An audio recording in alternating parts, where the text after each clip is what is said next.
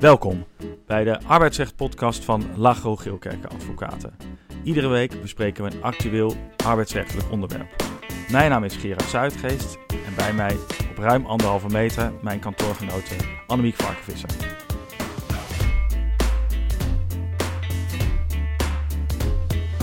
Annemiek, waar gaan we het deze keer over hebben? We gaan het vandaag hebben over het ontslag op staande voet.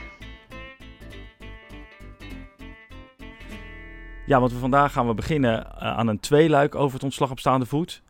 We bespreken vandaag het ontslag op staande voet meer in de breedte. En de volgende keer zoomen we wat dieper in op één aspect, de, de dringende reden. Ja, ik vind het echt een leuk onderwerp. Ik denk dat het wel het meest spectaculaire is van het uh, arbeidsrecht. En dat we daar dan zo lang mee hebben gewacht om dat te behandelen. Ja, inderdaad. Maar we doen nu meteen twee podcasts over, dus dat is wel leuk. Mooi. Ja, ja voordat we beginnen, uh, recap. Is er nog iets gebeurd waar Ja. we het eerder over hebben gehad? Ja, deze week is het, nee, vorige week is het wetsvoorstel tijdelijke verbreding inzet van de coronabewijzen door de regering in de Tweede Kamer ingediend. Mhm. En die wet wil het mogelijk maken om de coronapas, dus de QR-code die je op je telefoon hebt, ehm, in sommige gevallen ook op de werkvloer in te voeren. En dat gaat volgens dit wetsvoorstel in stappen. En de minister kan dan via een ministeriële regeling een gebied of een branche aanwijzen waar dat eh, coronabewijs dan eh, moet worden laten zien op het werk. En alleen als dat dus is gebeurd, dus als die aanwijzing er is, dan mag de werkgever, als de OR heeft ingestemd, QR-codes gaan checken. Ja. Er zit in het wetsvoorstel ook nog een extra laag. Als naar het oordeel van de minister onvoldoende werkgevers in de aangewezen branche gaan checken op die QR-code, dan kan de minister een verplichte QR-toetsing Ja. opnemen. Ja, typisch polder, hè? dus eerst de aanwijzing door de minister, toestemming van de ondernemingsraad of instemming van de ondernemingsraad. En dan kan de werkgever beslissen het te gaan doen, maar hoeft hij dat niet. En doet we, doen we het dan allemaal met z'n allen te weinig? Maken Mhm. we te, te veel gebruik van de vrijheid om niet te gaan eh, checken? Nou, dan kan de minister alsnog eh, verplichting invoeren. Raad van State heeft overigens geadviseerd eh, om de regeling op een andere wijze vorm te geven, omdat de raad vindt dat de keuze wel of niet checken in te veel gevallen te veel bij de werkgever wordt eh, gelegd. En dat voor lastige situaties op de verschillende werkvloeren kan gaan zorgen. Hè. Waarom checkt de buurman wel en bij ons Mhm. niet? En eh, Ja. eh, wordt er dan gevaccineerden tegen ongevaccineerden uitgespeeld? Raad van State vindt dat de wetgever zelf een keuze moet maken. En dat de rol van de wetgever groter en de rol van de werknemer, werkgever kleiner zou moeten zijn. Ja. Gaat nog echt wel wat eh, voet in aarde hebben als dit, eh, als dit door inge- Ja, ingevoerd zeker. wordt. Zeker. En wat ook interessant is, is dat er in het wetsvoorstel wordt gesproken over de gevolgen als een werknemer geen QR-code kan laten zien op het werk. En kort gezegd komt het er dan op neer dat een werknemer zonder QR die voorstellen voor passend werk weigert, Mhm. zijn recht op loon kan verliezen. Ja, En dat dat uiteindelijk dus ook tot een beëindiging van de arbeidsovereenkomst kan leiden. ja, ja. Nou, daar is in de memorie van, eh, van, van, van toelichting van de regering uitgebreid op ingegaan Ja. dat die mogelijkheden er zijn. Er wordt eh, deze week volgens mij in de Tweede Kamer over doorgepraat. Eerder leek het overigens dat dat wetsvoorstel controversieel was verklaard, maar dat bleek later toch niet het geval eh, te zijn geweest. En het zal er denk ik toch wel om hangen of deze, dit wetsvoorstel in Eerste en Tweede Kamer erdoor komt. Mhm. Maar als het erdoor komt, dan denk ik dat we daar een, eh, een, een specifiek webinar over zullen houden. Zeker. Wel grappig overigens, want wij hebben in eerdere webinars die we hielden over eh, ontwikkelingen in het arbeidsrecht in 2021 aan werkgevers gevraagd van nou, wie verwacht dat als deze mogelijkheid er komt, QR-code check op de werkvloer, dat de eigen werkgever daar gebruik van gaat maken. En toen bleek dat twee derde van de groepen die wij hadden daarvan geen gebruik zouden maken en maar een derde aangaf Ja, dat wel te zullen doen. Terwijl ik, in ieder geval wij, dachten, nou dat zal een veel grotere groep werkgevers zijn die dat, eh, die dat wil gaan doen. Maar dat bleek eh, dat, ja, tegen te vallen of mee te vallen. Het ligt er maar eh, Ja. aan van welk perspectief je kijkt. Ja, precies. Ik vond dat ook wel verrassend. Ja, ik ben benieuwd hoe het gaat lopen. Ik denk dat, ja, dat het allemaal lastig te voorspellen is. Het gaat ook allemaal zo snel, alle ontwikkelingen op het gebied van COVID. Dus ja, we moeten maar even afwachten.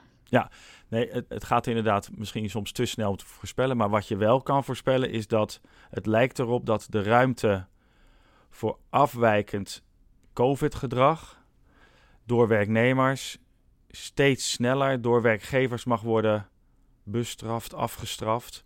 Dingen die we een half jaar, een jaar geleden eigenlijk ondenkbaar Mm. achten, die worden nu steeds meer, ja, komen nu steeds meer in zicht. En ik verwacht dat die ontwikkeling eh, voorlopig nog wel door zal gaan. En dan bedoel je met afwi- afwijkend COVID-gedrag, dus bijvoorbeeld ongevaccineerde Ja, werknemers. ja. Ja, ja. Maar goed, we zullen er in de komende podcast eh, nog wel weer op terugkomen. Laten we maar naar het ontslag op staande voet gaan.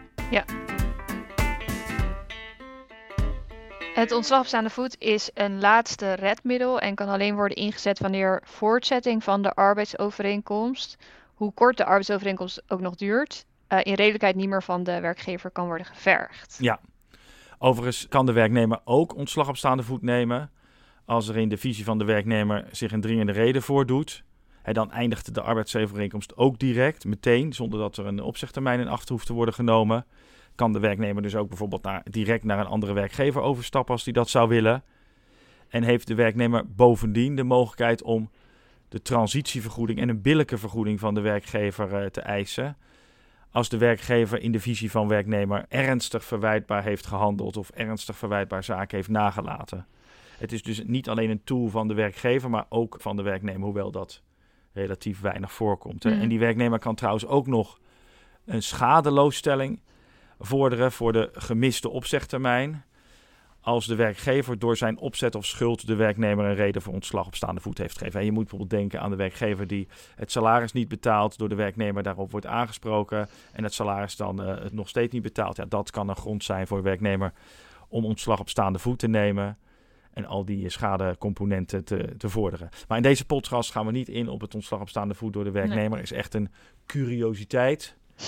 Mooi woord. ja, Eh, maar we gaan eh, wel kijken naar het ontslag op staande voet van de werkgever aan de werknemer.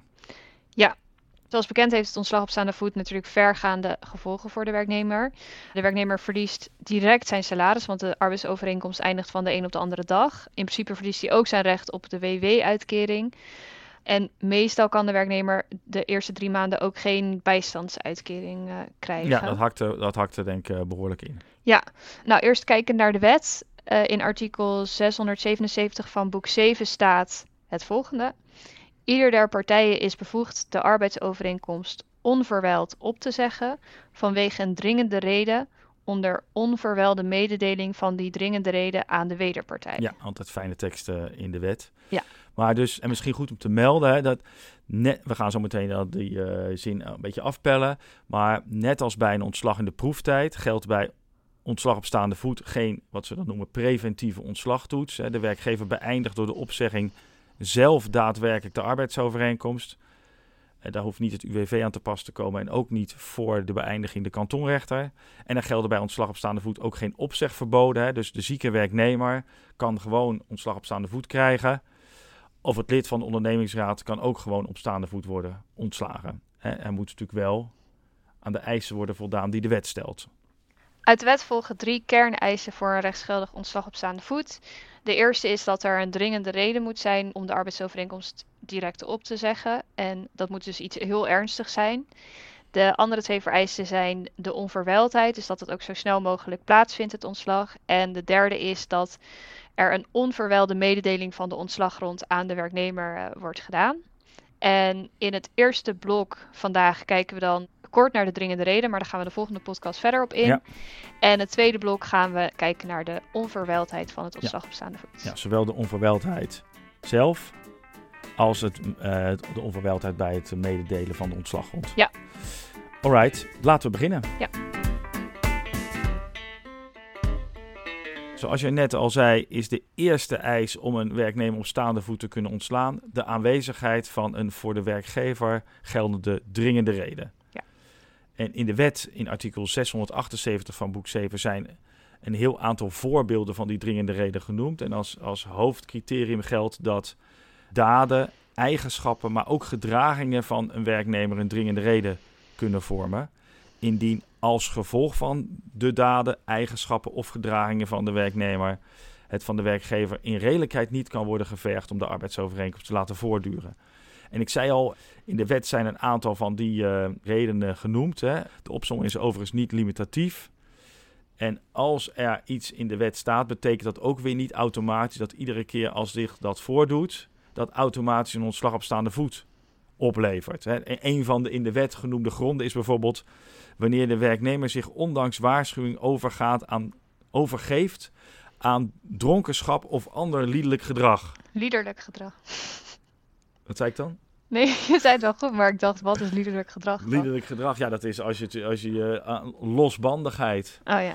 En ja, we kunnen ons allemaal een voorstelling maken wat dat inhoudt. Maar ook weten we dat als de werknemer in privé-tijd bijvoorbeeld weer eens een keer dronken is, dat dat natuurlijk niet met zich meebrengt dat daarmee automatisch een ontslag voor op staande voet eh, Nee. een gegeven is.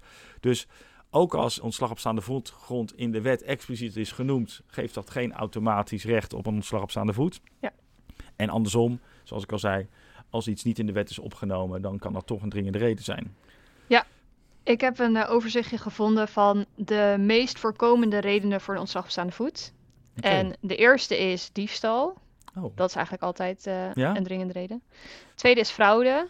Dan daarna heb je ziekte- en reïntegratieperikelen. dus een- als er daar iets fout wordt gedaan door de werknemer, kan dat ontslag op staande voet opleveren. Dan is er een categorie gevallen apart. En daar werd als voorbeeld genoemd van die practical jokes op de werkvloer die dan mis, eh, misgaan. Dat kan ook een ontslag op staande voet opleveren. Zeker. De vijfde was concurreren met de werkgever. En de zesde weigering van het opvolgen van een instructie van de werkgever. De, wer de werkweigering. Ja. Bijvoorbeeld. Oké. Ja. Nou, ap- apart dat dat, want ik zou denken dat de werkweigering eh, de meest voorkomende ontslag op sta- staande voetgrond is. Ja, Eh, dit maar- was een overzichtje van eh, wel van een aantal jaren geleden, maar ik denk dat dit op zich nog steeds ja, ja, actueel is. Oké. Ja, voorbeelden uit het leven gegrepen. En volgende keer gaan we dieper in wat er nou nodig is voordat er sprake kan zijn van een dringende reden. En dan maken we ook het onderscheid tussen een subjectief eh, dringende reden en een Mhm. objectief dringende reden. En we kijken bijvoorbeeld ook naar de vraag of een sanctiebeleid bij een werkgever invloed heeft op de mogelijkheden voor de werkgever om tot ontslag op staande voet te geven. En misschien eh, kunnen we vast een spoilertje doen. Bijna altijd werkt het sanctiebeleid voor de werkgever zelf averechts, negatief. Maar het is niet zo vaak niet zo makkelijk mogelijk om sanctiebeleid eh, van de werkgever te wijzigen, want dat moet meestal langs de, on- de ondernemingsraad. Ja. Eh, maar daar gaan we volgende keer dus eh, dieper op in. Ja, ik wil als het mag van jou nog wel één eh, recente uitspraak over ontslag op staande voet bespreken. Ja, vooruit. Oké, want dat was een recente uitspraak en die is ook door de media genoemd. En ik vond dat wel een, een, een typerende ontslag op staande voet uitspraak. Mhm. Dat ging over twee zorgverleners die een demente vrouw in een verzorgingshuis een lijntje hadden laten snuiven. Oh ja, Ja. Uh, niet een echt lijntje met eh, cocaïne, maar met Oh. poedersuiker. Maar ze hadden daar wel foto's en filmpjes van gemaakt. En nou ja, de werkgever die kwam daarachter en die ontsloeg dus beide werknemers op staande voet. En dat hield bij de rechtbank stand. En wat, wat ik zelf wel heel zielig vond, was dat dus in de uitspraak te lezen was dat de vrouw om wie het ging duidelijk aangeslagen was en zich ook uitgelachen voelde.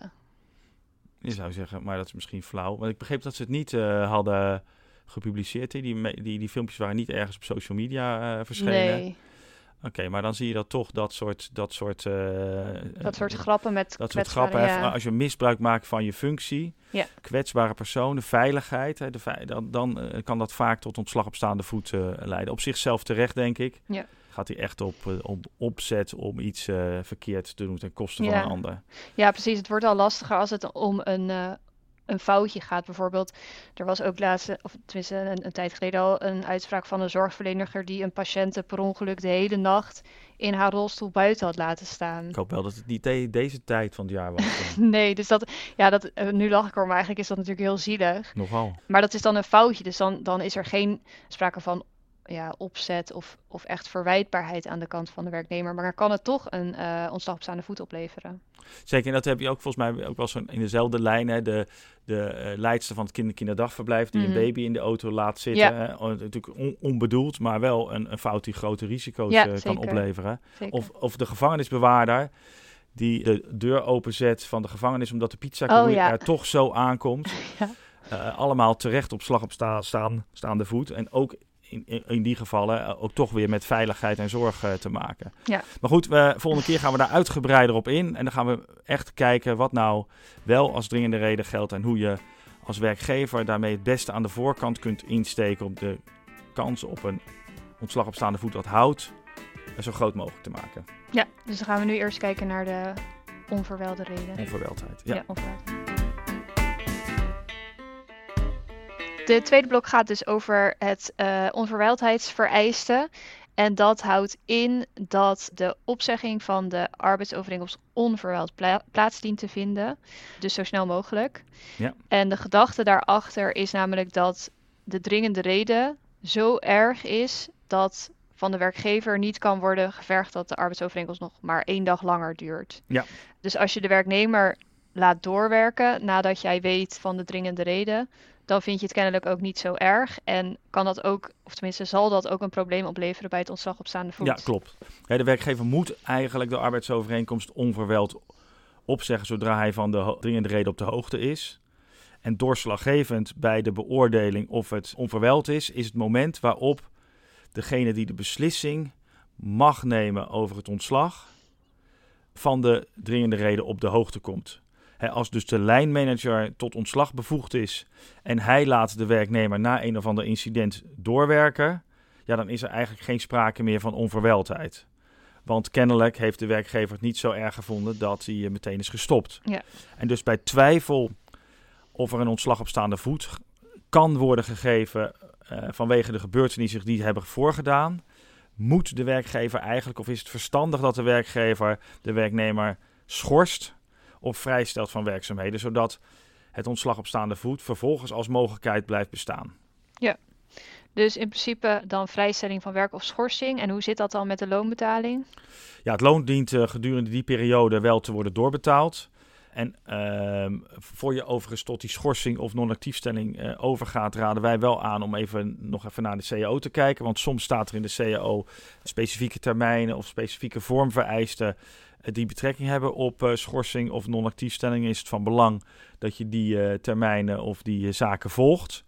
Op grond van de wet is er geen verplichting of is er geen vormvereiste. En is dus ook niet de verplichting bijvoorbeeld om een schorsing van werkzaamheden schriftelijk te bevestigen. Maar wij vinden het wel altijd verstandig om die Ja. eh, schorsing eh, schriftelijk eh, te bevestigen aan de werknemer.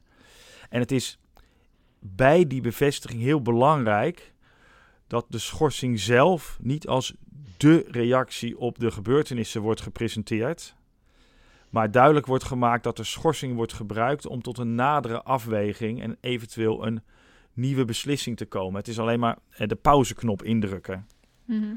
En dat betekent dus ook dat als er geen ontslag op staande voet gaat plaatsvinden nadat de werknemer is geschorst, het verstandig is voor de werkgever om die schorsing direct terug te draaien en in dat kader een andere sanctie uit te laten gaan. Bijvoorbeeld, hè, eh, dit mag nooit meer gebeuren, dit is een, la- la- een laatste waarschuwing. Ja. Of we, we gaan het, eh, de schade die we hebben geleden door jouw eh, acties verhalen. Hè, maar de schorsing zelf niet als sanctie.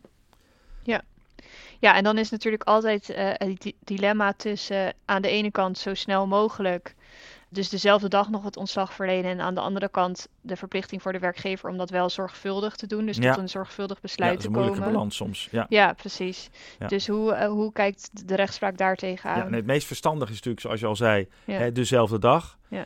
Maar op grond van rechtspraak mag de werkgever wel iets van tijd, normaal gesproken 48 uur, nemen om juridisch advies in te winnen. Eh, het is denk ik wel, 48 uur is denk ik wel de uiterste grens daarvoor. En dan moet het echt wel om complexe gevallen gaan. Anders moet het eigenlijk wel sneller. Ja, het is natuurlijk anders als iets vrijdagavond heeft plaatsgevonden. Ja, als je dan op, op maandag, meer dan 48 uur later, advies in, inwint, dan moet dat wel kunnen. Ja, Maar 48 werkuren is wel zo'n beetje het maximum. ja, precies. Dat, dat zou in principe ook gewoon moeten lukken in de praktijk. En bijvoorbeeld een kantonrechter die vond een ontslag op staande voet niet verwijld eh, van een werkgever die een intern onderzoek twee weken had laten liggen, omdat de directeur dat onderzoek zelf had willen verrichten.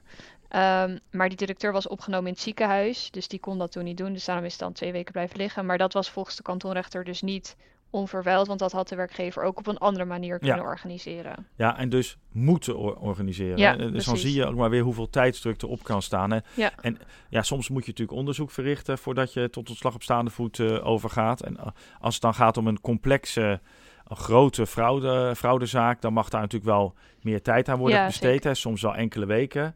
Hè. Gedurende die periode is dan de werknemer geschorst of vrijgesteld van werkzaamheden. Ehm, en dan kan ook van tevoren worden gezegd, nou joh, als, als dit eruit komt, dan kan dat leiden tot ontslag op staande voet.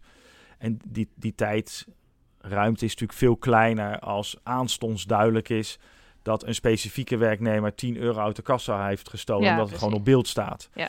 Eh, en da- da- dan mag je ook wel enige tijd nemen voor onderzoek om die camerabeelden te bekijken, maar dan is natuurlijk een, een, een week veel te lang. Zeker. Ja, en geef dan ook in de schorsingsbrief aan hoeveel tijd je nodig hebt voor dat onderzoek en houd je daar ook aan. Een ander element, hoor en wederhoor. Op basis van de wet is dat geen verplichte voor een rechtsgeldig on- ontslag op staande voet. Maar dat kan soms wel in de CAO zijn geregeld dat er een, eh, zo'n gesprek moet plaatsvinden met de werknemer. En uit de rechtspraak volgt ook dat het niet horen van een werknemer ook tegen de werkgever werkt. Ja, Dat kan omdat de werknemer een ander verhaal heeft ten aanzien van de gebeurtenissen. En dat verhaal van de werknemer moet de werkgever ook meewegen in zijn beslissing over het ontslag op staande voet. Dus door de. ja nee, maar eh, misschien goed om aan te vullen, want we- heel recent hadden we een uitspraak waarbij wel eh, de rechtbank zei, werkgever, je hebt geen hoor-wederhoor toegepast, dus gaat het ontslag op staande voet niet door. Ja, de Ja. rechter schreef dat wel wat netter op. Ik denk dat dat geen vaste rechtspraak is, maar werkgevers lopen wel een risico als zij eh, dat hoor en wederhoor niet laten plaatsvinden. En ik denk ook dat het verstandig is om direct, of in ieder geval zo snel mogelijk hoor Ja. en wederhoor te laten plaatsvinden. Want als je daar iets langer mee wacht, dan geef je als werkgever de werknemer ook gelegenheid om, hoe zou ik het nou zeggen, een verhaal te maken. Dus schorsen, werknemer direct uitnodigen voor hoor en wederhoor. En dat gesprek, hoor en wederhoor, mag ook gewoon direct na de gebeurtenissen plaatsvinden. Ja, klopt. En dan is het altijd verstandig om van dat gesprek een verslag te maken, zodat ook zwart op wit staat wat de werknemer heeft gezegd tijdens dat gesprek. En ons advies is dan eigenlijk altijd: laat de werknemer eerst gewoon praten. Dus stel ook open vragen. En als je dan bijvoorbeeld bewijs hebt van de foute gedragingen van de werknemer, stel de werknemer heeft dus die 10 euro uit de kassa gehaald en je, je laat de werknemer eerst verklaren dat hij dat niet heeft gedaan, dan kan je daarna dus bewijzen dat de werknemer er ook nog over heeft gelogen.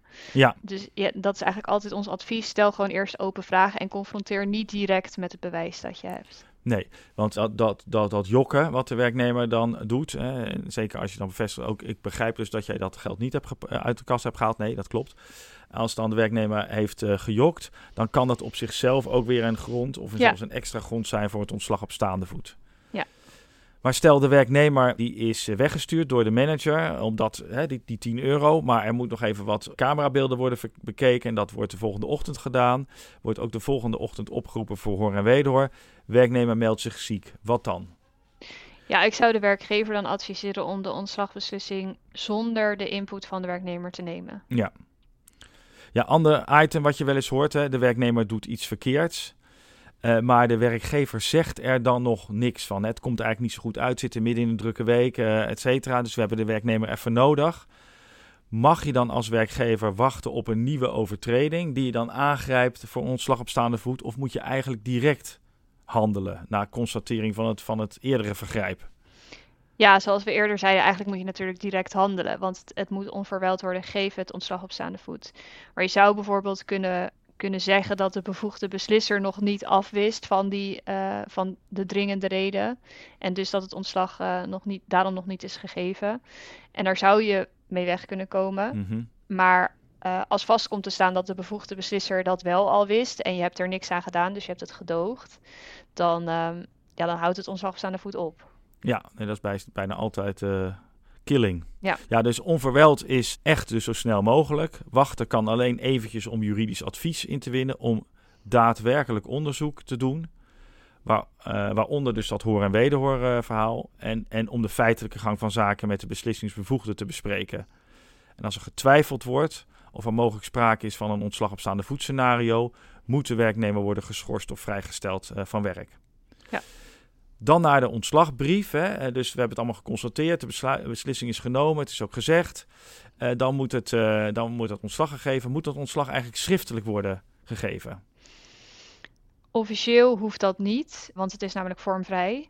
Maar het advies wat wij geven is om dat toch altijd schriftelijk te doen. Omdat je de, ja, volgens de wet dus wel ook de, mede, de, ja, de, de grond voor het ontslag moet je ook direct mededelen aan de werknemer. Dus het moet duidelijk zijn waarom de werknemer wordt Ja, er ontslagen. mag geen misverstand over Nee, blijven bestaan. precies. Ja. Dus da- in dat kader is het goed om dat gewoon schriftelijk te doen. En het is dan wel heel belangrijk om de dringende reden goed te omschrijven. En dat luistert wel echt heel nauw. Zeker. Ehm, ja. we zeggen het bijna nooit in de podcast, maar voor een werkgever is het echt verstandig om bij een ontslag op staande voet de brief juri- juridisch te laten checken. Want als je dat net even verkeerd opschrijft, dan kan dat echt tot een eh, formeel foutje leiden, wat dan uiteindelijk het ontslag op staande voet doorhaalt. Ja. Dus dat zou zonde zijn. Zeker. Ja, bijvoorbeeld wat er dan mis kan gaan, of wat, er, wat we in de praktijk vaak mis zien gaan, is als er meerdere gronden zijn die de werkgever aan het ontslag op staande voet ten grondslag wil leggen. Bijvoorbeeld hij heeft 5 euro gestolen, hij heeft ook nog 10 euro gestolen en hij heeft er ook nog over gejokt tijdens eh, hoor en wederhoor. Dan is het belangrijk om al die redenen echt afzonderlijk te benoemen en de werknemer te bevestigen dat ieder van die redenen voldoende zijn voor het ontslag op staande voet. En dat dat geldt voor willekeurige combinaties. En Ja. doe je dat niet, dan moet je alle elementen, hè, dus die 5 euro, die 10 euro en het jokken, moet je allemaal bewijzen voordat het ontslag op staande voet blijft staan. Ja. En als je het afzonderlijk benoemt, hè, dan hoeft de 10 euro is misschien dan, als je die alleen bewezen krijgt, ook al genoeg voor het ontslag op staande voet. Hè. De hoofdregel van de Hoge Raad is de ontslaggronden worden in de ontslagbrief gefixeerd en daar valt later niks meer aan te repareren. Mhm. Dus het is belangrijk om dat echt secuur, eh, secuur op, op te schrijven. Ja. Oké, dus hebben we het eh, vandaag vooral gehad over de onverweldheid en een stukje dringende reden. Ja. Nou, daar gaan we volgende keer echt eh, veel meer naar kijken. En dan gaan we ook kijken naar, nou, wat zijn nou de juridische risico's van het ontslag op staande voet en hoe kunnen we die eventueel vermijden. Ja. Nou, ik heb er al zin in. Ik heb er ook zin in. Eh, dit was het dan voor vandaag. Het was de dertiende, toch? Dertiende aflevering, ja. Dertiende show. Dertiende show. nou, bedankt allemaal voor het luisteren. Jullie kunnen natuurlijk abonneren, eh, liken. En jullie kunnen ons ook mailen, want we hebben ook een mailadres. Ja. Dus als jullie suggesties hebben voor een eh, volgend onderwerp, kunnen jullie dat gewoon doorgeven. Ja, podcast.lgga.nl. Ja, precies. Daar kunnen jullie ons eh, op bereiken. En ehm, ja, bedankt voor het luisteren. Tot de volgende keer. Tot de volgende keer.